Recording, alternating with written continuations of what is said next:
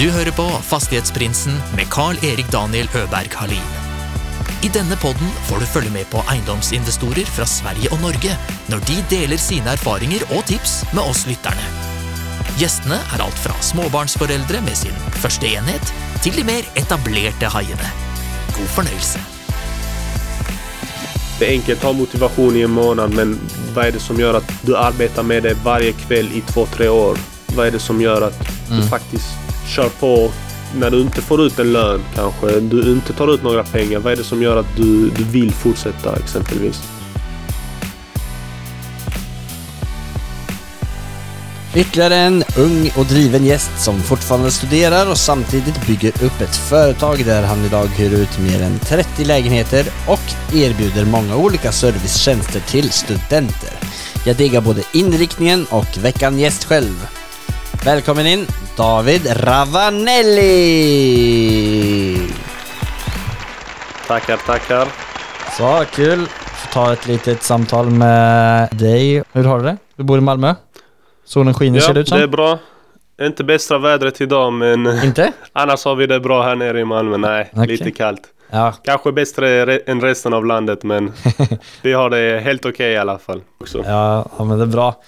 David Ravanelli håller på, vi sitter här i en eh, fastighetspodd och du är ju en eh, ung, intressant man som eh, är student och driver ett, eh, ett företag sedan eh, några år tillbaka på sidan av det. När du inte håller på med det, vad, har du några andra intressen som du håller på med? Det blir ju mycket när man ska både balansera skola och företag så blir det inte så mycket mer än, Nej. än det. Men eh, ja, det fi- finns ju mycket fotbollsintresse i familjen och Ja.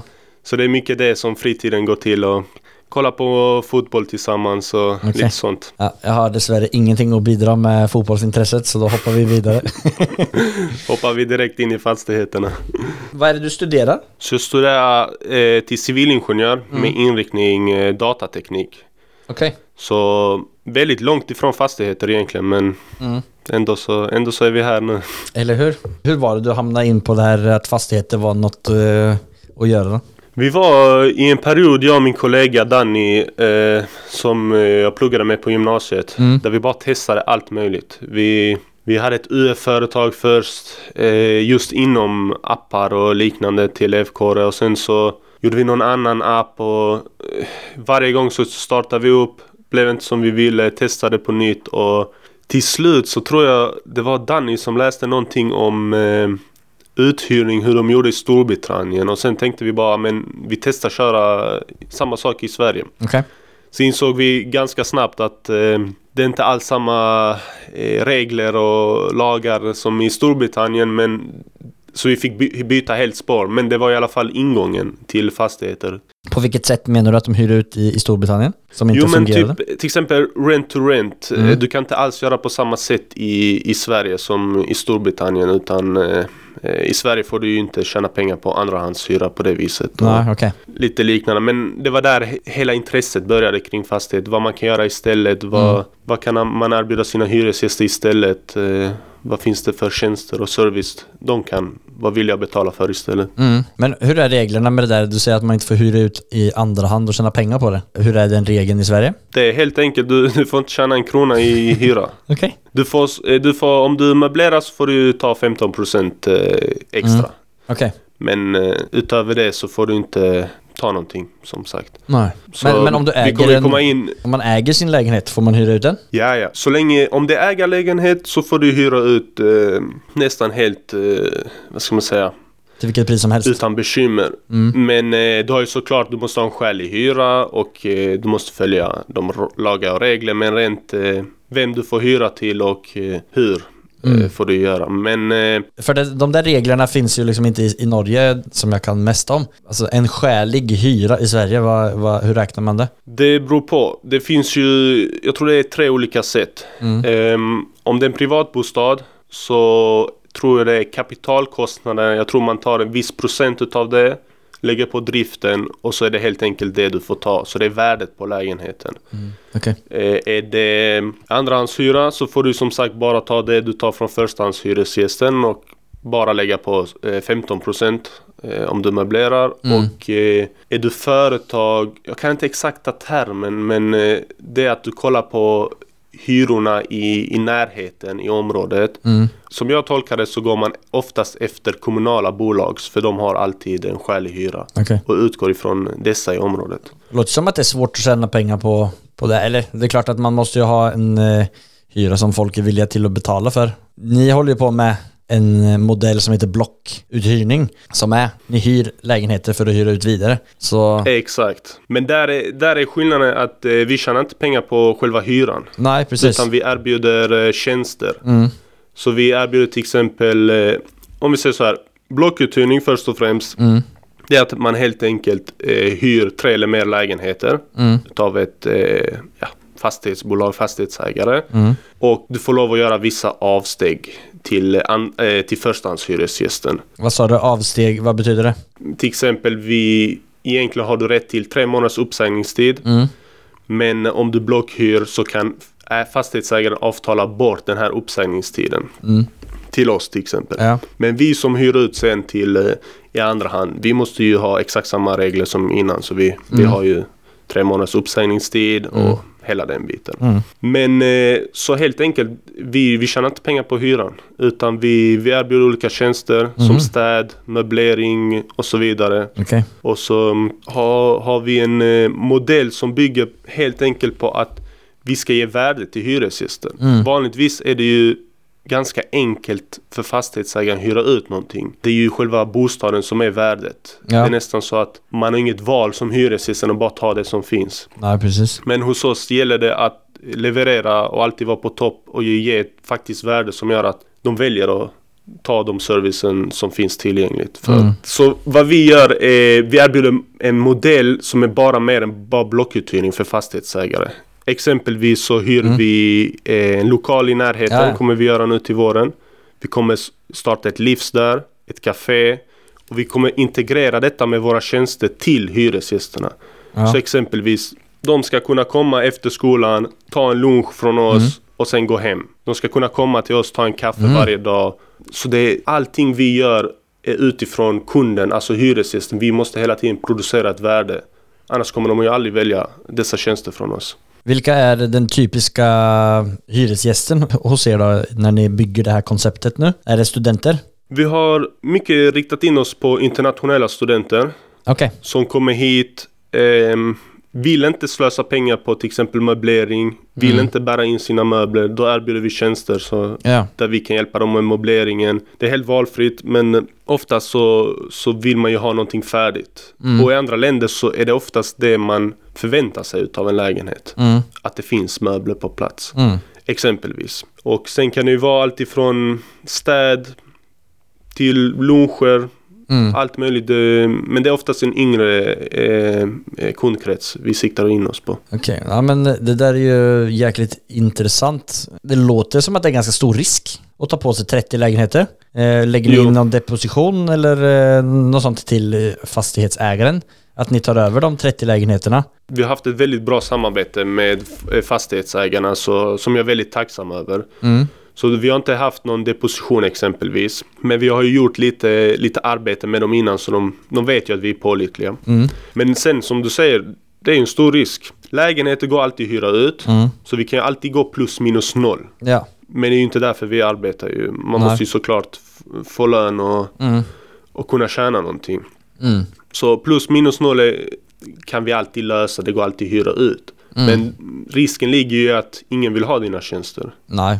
Ingen Mm. vill komma till dig.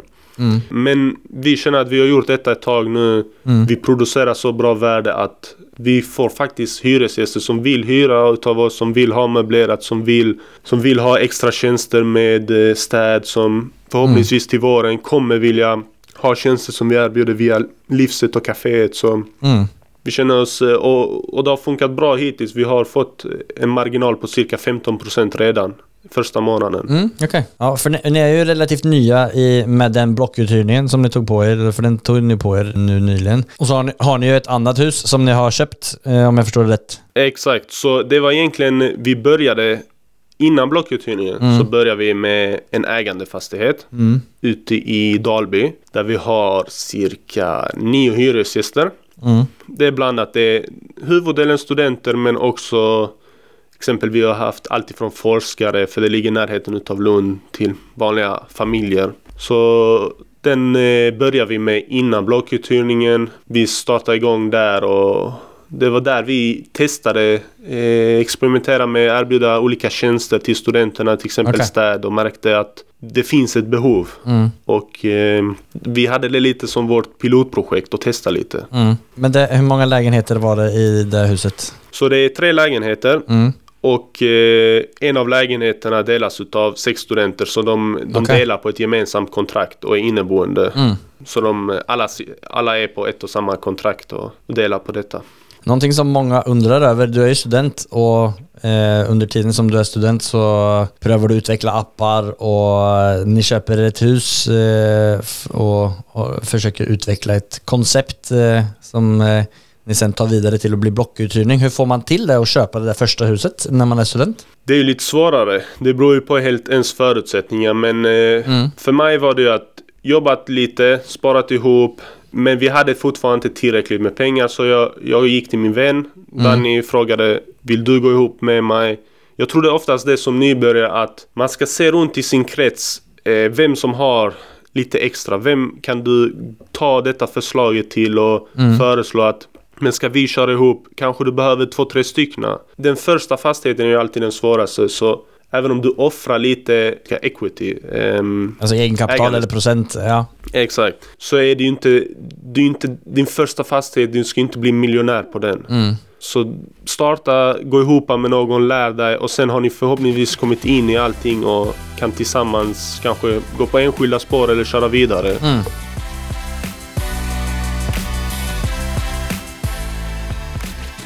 Vad, vad, var det som gjorde att ni hamnade in på det här? Ni hade sett eh, någonting i Storbritannien som ni ville testa och så köpte ni den då, eller? Vi testade först lite med eh, att helt enkelt hyra, hyra en villa och eh, hyra ut lägenheter.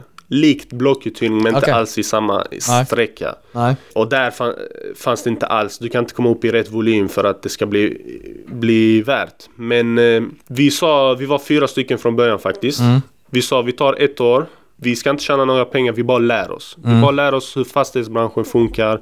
Vi lär oss hur, om uthyrning är svårt, vilka marginaler det finns, om ens vår idé om någon ens vill ha städ till sitt Mm. hem, om någon ens vill ha det möblerat och hela den biten. Så körde vi på ett år och sen så bestämde jag och Danny att eh, vi satsar på att köpa något eget. Mm. En tredje person startade ett annat företag och en fjärde började jobba helt enkelt. Så därefter hade vi grundläggande kunskapen för att köra vidare själva. Vad var det som, var, som inte funkade i, i den där lägenheten då? Eller i det huset som ni hyrde först? Mot vad, det, vad, vad ni gör nu? Det, det funkade ju. Mm. Men vi säger det allra första huset så hade vi två hyresgäster. Mm. Och bara det att du ska åka ut och städa till två personer. Mm. Du får inte upp den, eh, bara bilresan kostar nästan vad du tjänar. Mm. Du får inte alls upp den volymen du behöver Nej. när du har så små marginaler. Mm. Men som sagt, då, det gjorde oss inte någonting. Vi ville bara komma in i det hela Mm. och lära oss allting. Ja, bra tankesätt. Och så det gamet som ni kör nu, det är ett eh, volymgame egentligen. Exakt. Man hade ju kanske kunnat bygga på och ta ett och två, tre, fyra villor till i samma område om det hade varit möjligt. Så hade man kanske kunnat... Eh, Det är just det, man måste ha det. Det går inte att få en villa i Dalby och sen en villa Nej. i Malmö och sen anställa någon städare som ska åka runt hela Ja. Skåne. Utan du måste ha det samlat. Du måste ha en enhetlig process i allting du gör. För, Mm. att, för att dessa små marginaler inte ska bli kostnader helt plötsligt att ha alla dessa tjänster. Utan Mm. det ska gå i lite vinst. Mm. Men det där är ju ett jättebra affärskoncept. Jag har intervjuat ett par stycken som eh, eh, håller på med företagsuthyrning. Alltså de hyr ut till företag också. Det där är ju någonting som ni skulle säkert kunna spinna vidare på och ha hand om Jag, jag lyssnade faktiskt på just det avsnittet. Ja, okej. där, eh, Ja, Johanna eh, Alin.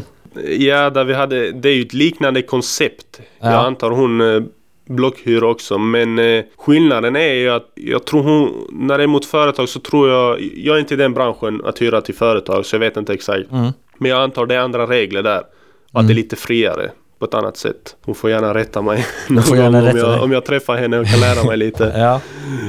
Men eh, jag tror det är lite lösare tyglar där. Så vi Mm. har det lite mer eh, reglerat. Ja, okej. Men för det, det är ju massa saker som man kan spinna vidare. Jag sa ju det till Johanna både i och efter intervjun också. Att man, det ni gör nu är ju att bygga upp ett koncept som ni kan liksom gå samman med en till slut som kanske har pengar. Alltså mycket pengar. Så kan man köpa, så att man blir en partner i att köpa ett stort block. För ni har byggt upp en kundkrets och ett system som sen gör att man köper grannhuset till eh, det som ni har idag. Så är det egentligen bara copy-paste och så skjutt in med 30 nya hyresgäster och så har ni en bra cashflow och ett system som fungerar in i ett egenägt hus med. Såklart, det finns ju, vi har ju lite idéer på det också. Mm. Och eh, nu till våren faktiskt eh, med vår villa i Dalby så eh, hoppas vi belåna upp den och sen har vi lite vi har fått lite intresse från olika investerare. Mm. Inga jättesummor men fortfarande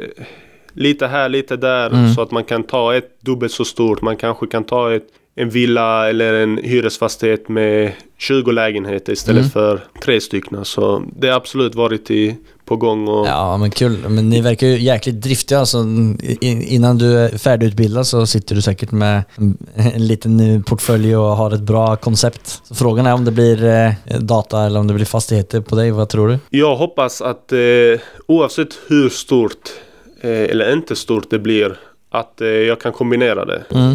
För eh, jag läser inte data bara för att jag vill skaffa mig ett jobb utan jag tycker genuint det är intressant. Mm. Och vi jobbar mycket med att automatisera så mycket som möjligt. Okej. Eftersom vi har så små marginaler. Mm. Så det är redan i tankesätt. Så förhoppningen är att man kan i alla fall jobba hälften hälften och dela upp sin Mm. tid och försöka splitta upp det så mycket som möjligt. Kan du berätta lite om de systemen som ni, som ni kör idag då på hyresgästerna? Som eh, effektiviserar driften? Det är egentligen inte några exakta system så, men det är att varje process eh, ska vara genomtänkt. Till exempel med visningar. Innan så hade vi mycket individuella visningar. Mm. Det blir mycket tid fram och tillbaka. Du måste ha någon på plats som visar. Men eh, nu när alla blir va- vana med Zoom, istället för att ha 30 individuella visningar, så kan vi ha en visning där 60 personer kanske kollar och sen får vi 30 stycken hyresgäster utav den visningen. Mm. Exempelvis. Mm. Det kan vara allt ifrån eh, att man samarbetar med företag som du vet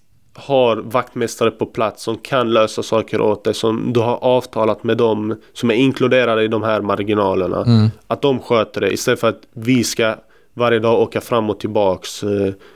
Som vi har gjort innan. Innan vi, vi kom in i detta och innan vi kunde automatisera dessa processerna till någon annan. Alla tjänster som ni gör, gör ni inte själva utan det köper ni. Eh, I början körde vi allting själv. Mm. Och nu i januari faktiskt som första till det första blockuthyrningen så möblerar vi allting själv. Mm. Vi hade 30 lägenheter, 30 gånger fyra möbler. Det var ju fyra möbler i varje lägenhet. Så det var ju mycket av julledigheten som gick till att bygga IKEA-möbler. Men alltså- har allting nytt. Inredde ni 30 lägenheter själva? Yes, Det är ju en, måste ju vara en, en stor investering bara det. såklart.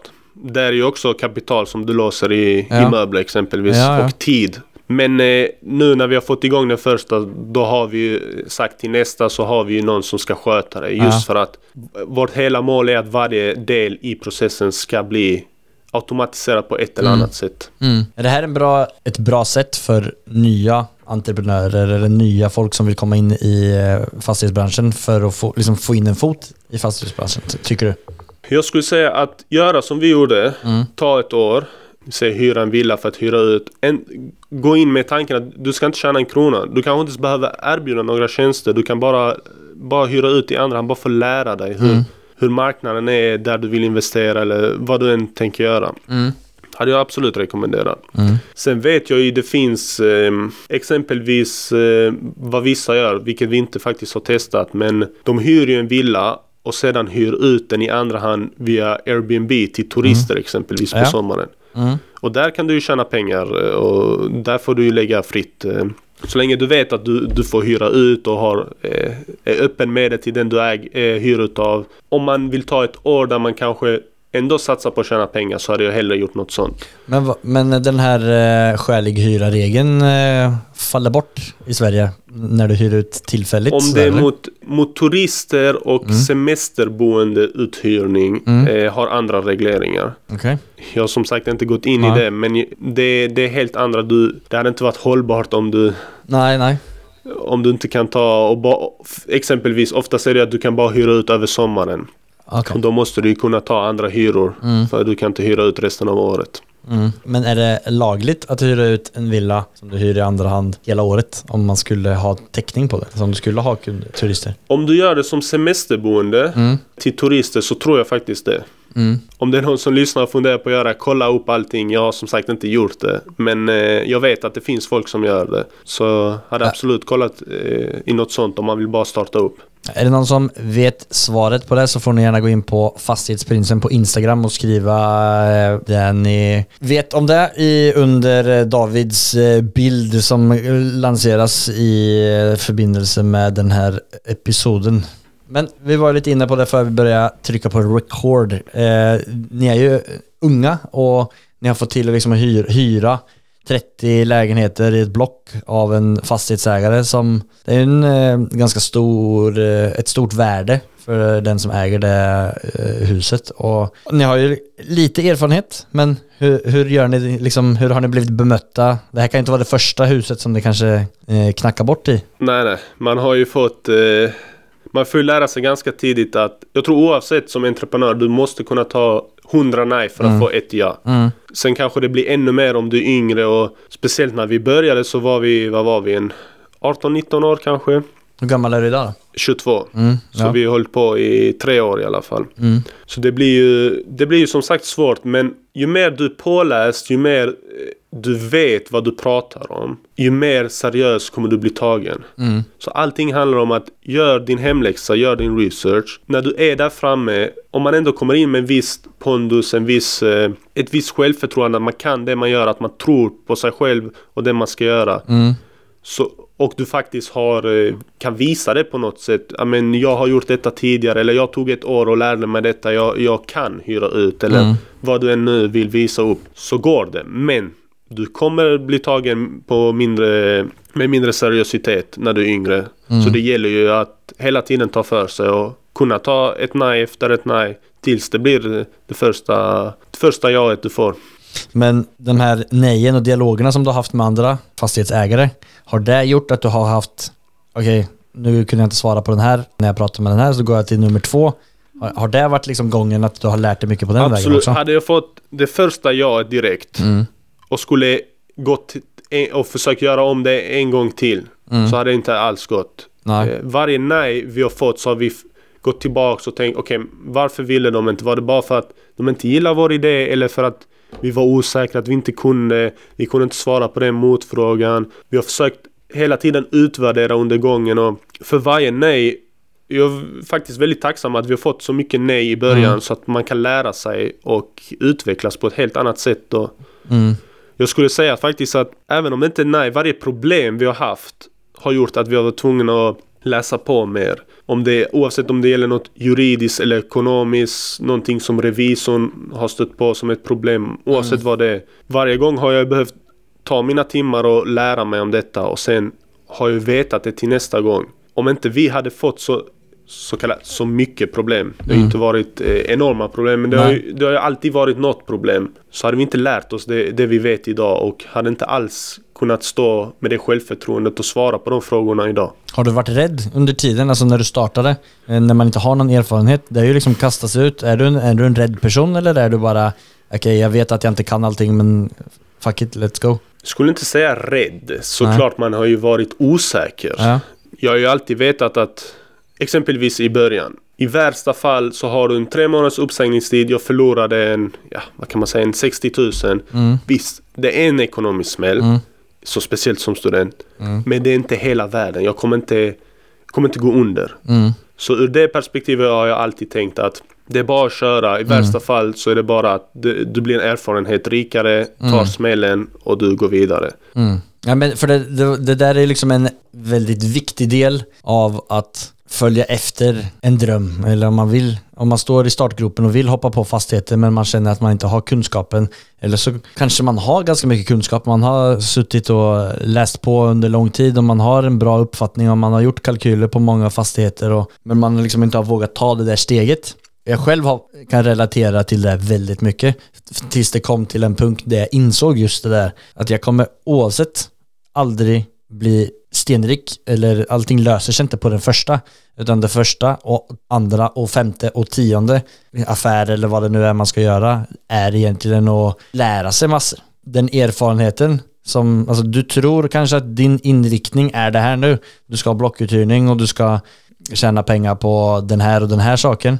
Men ett och ett halvt år in i, eh, i verksamheten så har du det du har lärt dig har fått upp ögonen för att shit, jag sitter ju på ett värde som jag kan copy-pasta och kan, jag kan ta hand om driften för stora företag med det systemet som man har byggt upp och det blir en helt annan inriktning. Och det hade du aldrig fått om du inte hade gjort kastat ut i det där första. Även om du inte var så här, ja det här är kanske inte det bästa, men man är på väg någonstans. Och det att vara på väg hela tiden, för man må korrigera den eh, riktningen hela tiden. Jag håller helt med. Där vi började, egentligen inte där vi är nu med tanke på... Vi hade en helt annan idé om mm. hur affär, affärerna skulle gå till. En helt annan affärsidé. Men med tanke på att vi har fått, som du säger, stöta på alla dessa motgångar och ändra och man lär sig och till slut så kommer man... Man kommer alltid komma fram till någonting. Oavsett om allting skulle gå i konkurs imorgon så kommer jag ha lärt mig så mycket om företagen att det kommer gynna mig i mitt mm. arbete om jag skulle bara arbeta sen. Så jag, jag, tror man får gå in med inställningen att det låter ju väldigt klyschigt att ja men eh, mm. om du inte lyckas så kommer du i alla fall lära dig. Alla klyschor är klyschor av en anledning. Det... Exakt. Och sen tror jag också mycket att visst vi var unga och mm. kanske osäkra för att vi var unga. Men någonstans så är man, mm. man är lite mer naiv som ung. Man mm. tror ju att alla idéer ska lyckas. Så det, på ett visst sätt så är det faktiskt en fördel att vi bara kastar oss ut varje gång. Mm. Vi misslyckas, kastar ut igen. Lite naiv, naivitet och tror att ja, men nästa grej ska lyckas. Mm. Och så bara kör man, kör man tills någonting lyckas. Och nu, nu står vi här idag och, och har lyckats bygga upp någonting. Och till slut, jag tror man, man ska bara hålla ut. Jag tror det är det som gör någon framgångsrik. Att man, man får helt enkelt acceptera att du kommer alltid ha problem. Även om du, du har ett företag som omsätter 100 miljoner. Ja. Tvärtom, du kommer ha ännu mer problem då. Men det gäller att kunna tackla dessa problemen mm. och acceptera att det kommer mm. vara din vardag att ha problem. Och helt enkelt vilja mm. tackla dessa problemen och gå vidare. Ja, men det är jäkligt bra. Bra, jävligt bra. Väldigt imponerande jobbat. Det blir spännande att se hur det utvecklar sig framöver och vart ni är när du går ut i skolan till exempel. det hade varit roligt att köra en eh, follow-up om ett, två år och eller hur? Se om allting har kraschat eller gått rakt upp. Det tror jag verkligen inte. Ja, vad är nästa nivå? Nästa nivå är att just nu har vi byggt grunden. Vi snackar mycket om att nu mm. har vi, vi kan pusta ut att vi är ett, vad ska man säga, ett riktigt företag. Vi, vi har grunden. Mm. Vi, vi, mm. vi tjänar inte miljoner varje dag. Men vi har grunden Nej. där. Vi, vi, som jag sitter nu i vårt egna kontor. Vi har lagt den mm. grunden vi behöver. Men vi vet också samtidigt att att ens behålla den här grunden krävs så mycket är, eh, arbete och vi är ödmjuka inför att det krävs så mycket mer arbete för att komma till nästa nivå. Mm. Att kunna bara ha den grunden på något sätt ger den trygghet att kunna sikta på nästa nivå och för oss är mm. nästa nivå att vår förhoppning är att köra parallellt med både eh, egna fastigheter och blockuthyrning. Så tanken mm. till vår är nu har vi kört den första blockuthyrningen. Nu går vi tillbaks lite till våra egna fastigheter eh, försöker få upp belåningen, försöker ta in investerare och köpa något större. Och sen när det är klart, igen, nästa steg i blockuthyrningen så vi kör mycket att eh, parallella spår men samtidigt tar en sak i taget. Om, om det låter mm. logiskt. Ja, men det, ni verkar väldigt systematiska och driv, drivna så det här kommer säkert bli, jag är helt säker på att det kommer bli eh, riktigt bra och jag hoppas att eh, kanske medverkan i den här eh, podcasten kan eh, göra att ni når ut till flera och som kanske kan bli mer samarbetspartner eller investerare i, i er duktiga verksamhet. För en fastighetsägare så finns det väldigt mycket värde i att ha oss eh, som eh, hyr ut från dem. För först och främst mm. så istället för att ha exempelvis 30 hyresgäster så har man en hyresgäst. Mm. Du, du får alltid hyran i tid. Du behöver inte ha 30 enskilda hyresgäster som betalar in hyran vid olika tidpunkter. Någon kanske är försenad. Utan du har all, allting samlat på ett företag. Du slipper administrationen. Exempelvis alla hyresgäster kommer till oss först. Om de behöver någon information var tvättstugorna ligger. Om det är någon felanmälning. Helt enkelt allting går igenom oss. Sen filtrerar vi ut väldigt mycket. Till exempel, nej men det var bara internet, du behövde bara göra det. Men, och sen om det är till exempel någonting lite större, ja men då skickar vi vidare till fastighetsägare. Så vi filtrerar ut väldigt mycket administration. Det finns ett väldigt värde att, som fastighetsägare att, att ha oss som kund. Exempelvis, vi har oftast femårsavtal, så det garanterar att du har en hyresgäst i 30 lägenheter i fem år. Du slipper alla in och utflytt. Du behöver inte lägga eh, pengar och tid på att ha visningar, kontak- kontraktskrivning, besiktningar. Allting sköts via oss. Så om det finns någon fastighetsägare som är intresserad så mejla till minerva.studentlosningar gmail.com Ett O istället för Ö. Eller eh, kolla in på Spotify-beskrivningen så finns det förmodligen en länk eller något liknande med kontaktinformation. Skicka oss ett mail. Skicka lite information om er fastighet. Så kollar vi jättegärna på det, ta ett samtal och berätta mer vad vi kan erbjuda för er. För att ni ska kunna få ner era kostnader och samtidigt få trygga hyresgäster. Det hoppas jag att det är många som gör. Bara för vi hoppar vidare till nästa segment, eh, bara en fråga till. När ni tog över den här fastigheten, var de alla lägenheterna tomma då? Eller Allting är tomt. Så följdfråga då, varför var de det? För eh, det har varit stora renoveringar exempelvis. Så Mm, då, okej. och det är mycket, har du ett företag eller en fastighet där du vet att det kommer stå tomt och ha vakanser. Så är vi en jättebra kund för istället för att du hyr ut fem lägenheter i taget eller tio lägenheter tills du kommer upp till, till fullt, eh, full uthyrning. Så kommer vi direkt, tar alla eh, 30, 50, 100 vad det nu än kan vara på en och samma gång och du får en hyresgäst från dag ett istället för från dag 60 eller dag 90. Ja, men jäkligt spännande det där. Alltså jag diggar både, eller hela det där konceptet. Det fyller ju ett värde både för fastighetsägaren och för eh, hyresgästen och det gör att ni kan bygga upp ett sällskap som blir jäkligt spännande. Tack, då hoppar vi vidare till eh, vårt nästa segment som heter Affärsanalysen. Det är det segmentet där våran gäst delar med sig om en genomförd affär, går igenom tal, lokation och vilken typ av deal det är. It has not been easy for me. And, you know, I, I started off in Brooklyn. My father gave me a small loan of a million dollars. Affärsanalysen. Har du tänkt ut någon deal? Är det Blocket eller är det Jag skulle den... säga eh, det enklaste att räkna på är ju vår första fastighet som vi ägde. Mm. Den köpte vi ju, jag tror det landade på 5,8-5,9 miljoner. Mm. Då var det också så att en av lägenheterna var inte uthyrda. Så den här med studenterna. Mm. Så den var vi själva tvungna att fylla. Men den fyllde vi ganska snabbt så vi hade en nio hyresgäster med en hyra på 51 500 i månaden. Vi hade Okej. driftkostnader på 10 000. Vi hade Mm. amortering på 10 000 och vi hade även en räntekostnad på 10 000. Så vi gick Mm. 20 000 plus varje månad efter amortering, Mm. så 30 000 totalt.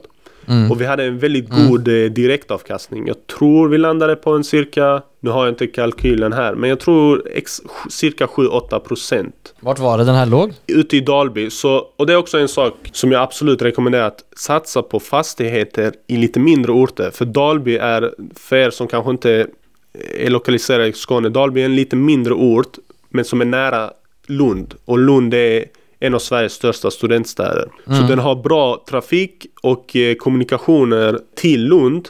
Men de har inte de priserna, de höga priserna som finns i Lund. Så du har fortfarande folk som vill hyra ut i Dalby och du kan få en stor fastighet utan att behöva betala en 10-15 miljoner för att det är centrala Lund. Istället kan du betala då 5,8 som vi gjorde. Jag var tvungen att googla för att se hur det låg i förhållande till Lund. Jag är ju inte superkänd i, i Skåne generellt, men jag ser ju det är typ 20 minuter eh, bil till eh, Lund. Vad är era hyr, hyresgäster eh, som regel studenter där? Yes, så vi har, eh, Vi Mm. satsar mycket på att kollektivtrafiken ska ha i alla fall inom 30 minuter till, eh, Mm. till skolan från dörr till dörr.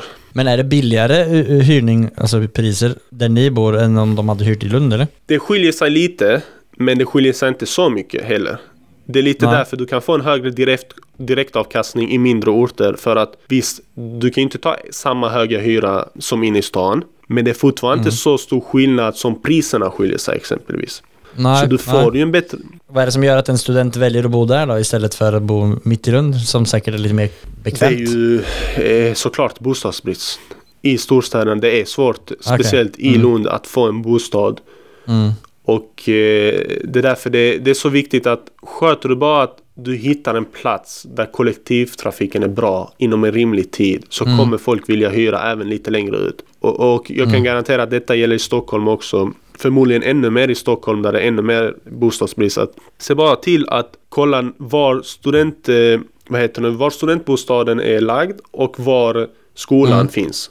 Och sen bara kolla Mm. hur lång tid det tar emellan. Hur, är det svårt? Är det mycket byten? Eh, Vi testade själv och, och ta den här rutten själva och se hur, hur det är Ja. för att faktiskt få en känsla av det. Ja. ja men det där var ju supersmart och riktigt bra deal. Eh, för jag kan ju tänka mig att med tanke på Lund och alltså att det ligger så pass nära så måste ju den öka ganska bra i värde också. Såklart. Alltså den är ju inte en sån klassisk eh, liten orts eh, utan den måste ju nästan smitta av sig lika mycket som Lund stiger nästan också. Prisutvecklingen är väl inte lika extrem, men den följer ju den. Nej. Absolut, det, det är fortfarande, det är Mm. inte så att den är ute på landet och mitt ute ingenstans. Nej. Utan småorter som är i koppling till storstäder följer ju absolut storstäderna. Har ni renoverat någonting med den eller har ni... Eh, Eftersom vi visste att vi förmodligen skulle hitta studenter som vill dela på en lägenhet så anpassade vi den lite. Vi gjorde om så, så vissa sovrum passade med, eh, med eh, vad heter det, vardagsrum och så vidare. Men inte jättestora, bara små plan egentligen. Så planritningen ändrade vi om lite, lite smått. Egentligen inga, vad ska jag säga, renoveringar som, som kommer ge utslag på en värdevärdering. Eh, inget sånt faktiskt. Och ändå så har vi fått Nej. en, eh, vi, vi fick faktiskt en värdering på 9,5. Oj, snyggt. Men När var det du köpte den sa Vi du? köpte den, det var när Corona precis hade dragit igång som mest minns jag. Och det var därav vi också Ja. förmodligen fick Två ett år. bättre pris. För att det var då, Mm. jag minns aktiemarknaden sjönk som mm, riktigt mycket och att eh, Mm. många var rädda och kanske ville sälja av sig lite. Det tar tid att sälja en, en sådan bostad. Speciellt när du har Mm. eh, exempelvis studenter som ska dela på en lägenhet. Det tar tid att sälja den.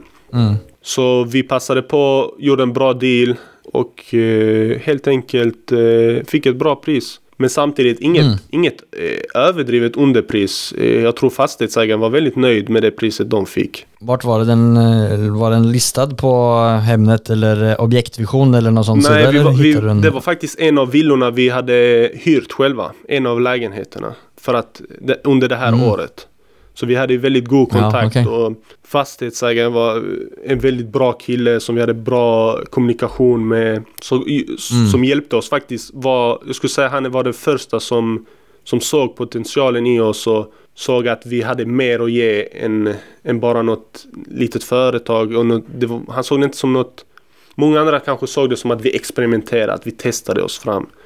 Men han Ja. såg lite mer potentialen i oss och, och gav oss chansen och hjälpte oss med hela köpet. Han, han hjälpte oss med banken, han hjälpte oss hur mycket pengar vi behövde och hela kalkylen. Och jag skulle säga att han var en bidragande faktor att vi, det kunde gå så snabbt. Fick ni säljrevers av honom eller eller något sånt? Jag tror vi hade en säljrevers på 200 000. Mm, Men okej, det är också ja. en sån grej att han litade på att det skulle funka för oss och vi skulle kunna betala tillbaka det. Så vi faktiskt väldigt Ja. tacksamma för den chansen han gav oss. Än en gång, eran affärsidé. En, en till sån positiv grej som man kan ta med sig utifrån det. Att ni kommer i kontakt med många andra hyres eller fastighetsägare som då kan göra, generera att ni får en eh, bra relation och ni kanske får köpa ett hus som han inte gärna vill ha. Ytterligare en bra, eh, bra grund till att köra vidare på det som ni håller på med. Exakt. Ja men tack, eh, grymt att du delar med dig den och jäkligt bra. Gratulerar. Så hoppas att ni får köpt något eh, riktigt fett med, med de eh, pengarna som ja, den har utvecklats under de två sista Tackar, åren. tackar. Jag ska uppdatera dig sen eh,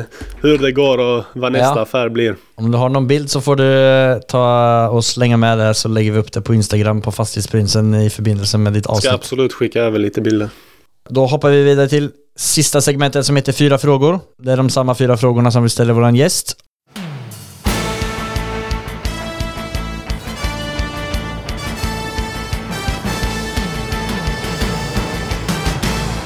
Cuatro preguntas.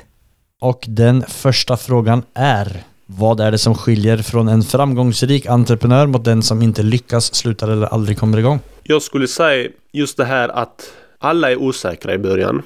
Alla har lite rädslor som du säger. Att man bara inser att det är inte hela världen om man misslyckas. Att man bara, man bara måste slänga sig ut. Att man bara accepterar att detta kan gå åt skogen. Testa, starta och så se hur det går. Mm. Jag tror ju mer man accepterar att det inte kommer gå perfekt i början. Ju mindre steg kommer det vara att faktiskt att testa och att veta. Ja men jag kommer få många när jag kommer kanske misslyckas första, andra idén. Och bara se det som en resa där man utvecklas. Tror jag är viktigt att ha i åtanke. Har du fokus på mål? Eller har du mer fokus på liksom, utveckling och resan? Jag skulle säga man måste ju ha, man måste ha mål. Det är ändå det som motiverar en. Man måste ha i åtanke var, var man vill komma och eh, vad som faktiskt är slutmålet med det hela. För det är enkelt att ha motivation i en månad men vad är det som gör att du arbetar med det varje kväll i två, tre år? Vad är det som gör att du faktiskt kör på och när du inte får ut en lön kanske, du inte tar ut några pengar. Vad är det som gör att du, du vill fortsätta exempelvis? Och då är det att ha fokuset på målet. Har du brutit ner det målet i små sådana där eh, morötter eller eh, vanor eller eh, små delmål? Vi har, ju- vi har mycket delmål inom företaget.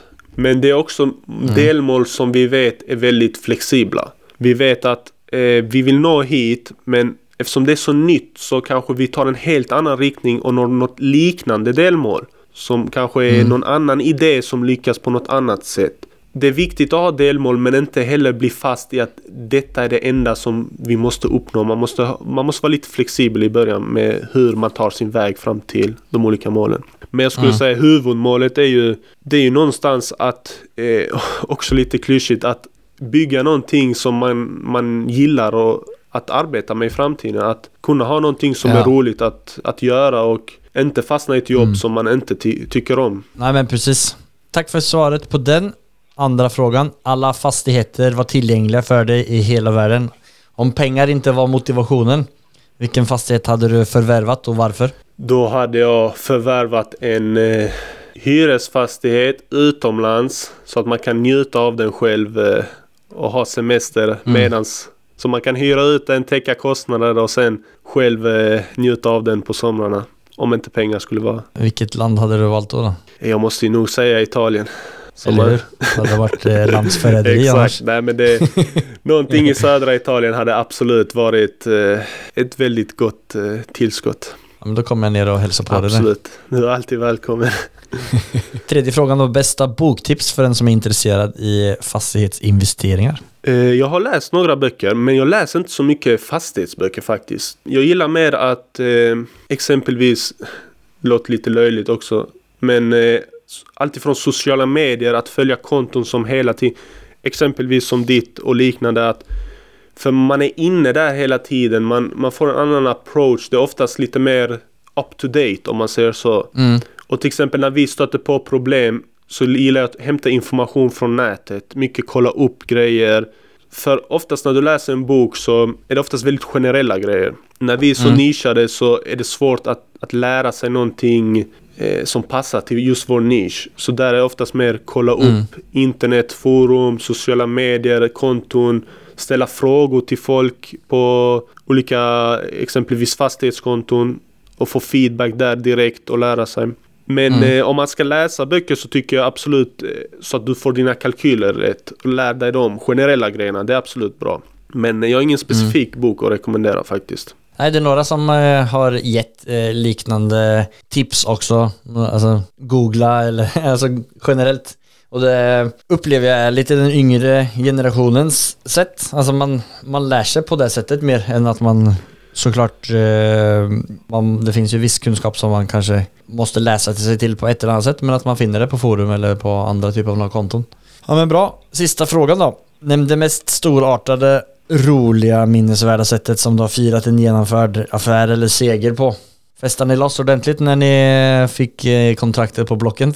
Inga fester så på det viset men eh, jag skulle säga det mest minnesvärda måste ju varit faktiskt när vi fick kontoret. Eh, det, det, är ingen specifik okay. affär ja. på det viset men det var liksom ett, ett kvitto på att nu har vi gjort bra. Nu har vi kommit till den ja. punkten vi, vi drömde om för två år sedan. Och det var lite att bara sitta på kontoret och ta in det första dagen. Det är mm. nog en känsla som jag kommer ta med mig och förhoppningsvis kunna känna fler mm. gånger i framtiden. Ja. ja, men det förstår jag. Gjorde ni något speciellt utav det? Satte ni, köpte ni en prinsesstårta, slängde upp fötterna på skrivbordet och drack en kopp kaffe? Faktiskt inte, det var bara tillbaks till arbetet och köra på igen. det ja. inget så, men jag tror också mycket vi, vi så kallat firar i vardagen varje lit. Alltså vi... Mm. Jag tycker om man fastnar på att, att det ska firas storslaget, såklart man, man måste njuta. Men då siktar man så mycket på att allting ska bli bra när du når ett visst mål. Och sen så inser man ja, ganska precis. snabbt att jag är inte lycklig bara för att jag nådde detta målet. Och så vill du nå nästa mm. mål för då tror du att allting kommer vara bra, allting kommer firas storslaget när vi väl når det målet. Sen mm. när det har gått en månad mm så är det din vardag redan och mm. du vill nästa sak hela tiden. Så vi är mycket på att, att under resans gång, under företaget, att kunna eh, fira varje dag på ett sätt. Att varje dag känna att ja, men, vi har kommit någonstans. Varje dag ta in situationen och mm. varje dag försöka njuta. Ja, men det, var, du det var ett bra svar. Du är en vis ung man David. Tackar, tackar. Innan vi rundar av här, är det någon speciell person eh, eller eh, företag eh, som du gärna hade velat komma i kontakt med? Det är ju som sagt om det finns fastighetsägare som är intresserade utav att ha oss som eh, hyresgäst i blockuthyrningar. Där vi kan ta över mycket av ert arbete där ni får ner kostnader. Det skulle jag säga är det främsta jag letar efter. Mm. Något sista tips för vi säger adjö för alla våra nya investerare? Att våga. Bara kör. Det värsta som kan hända mm. är att du lär dig mm. och sen kör bara. Inget annat. Kanon. Tack för det David. Grymt eh, bra jobbat och eh, tack för att du var med och delade tack med dig. Tack själv. Tack för att jag fick vara med Daniel. Det var roligt. Ja, jag har lärt mig massor, det var jäkligt spännande och jag blir alltid så jävla taggad när jag får eh, lära mig någon ny metod så nu kommer jag säkert eh, nörda in mig på det här en stund som vanligt efter vad jag pratar med någon ny. ja men det är kul att kunna få bidra också lite med. Jag hoppas eh, lyssnarna också lärde sig någonting. Ja, det är jag helt säker på. Hoppa vidare till ditt så hoppar jag vidare till mitt så hoppas att vi ses eh, snart. Absolut. Ha det så bra. Adios. Den här strategin är så bra och visar mig bara hur att systemet har så stort värde som vi pratar om i avsnittet. En liknande strategi hör ni också i avsnitt nummer 26 med Johanna Alin. Så om ni tyckte om det här avsnittet och strategin så gå in och lyssna på det. En annan sak jag tar med mig är Davids mentalitet. Det går igen hos många av mina gäster och inte göra saker och ting så stora och farliga utan bara köra på. Vi kommer inte gå omkull för att investeringen inte blir helt som den var tänkt. Gå in med inställningen att du bara ska gå plus minus noll för att testa. Mycket bra tips av David. Nu börjar min mage att kurra lite, så jag drar ner till kontinenten och äter lite stolpepäron. Ha det!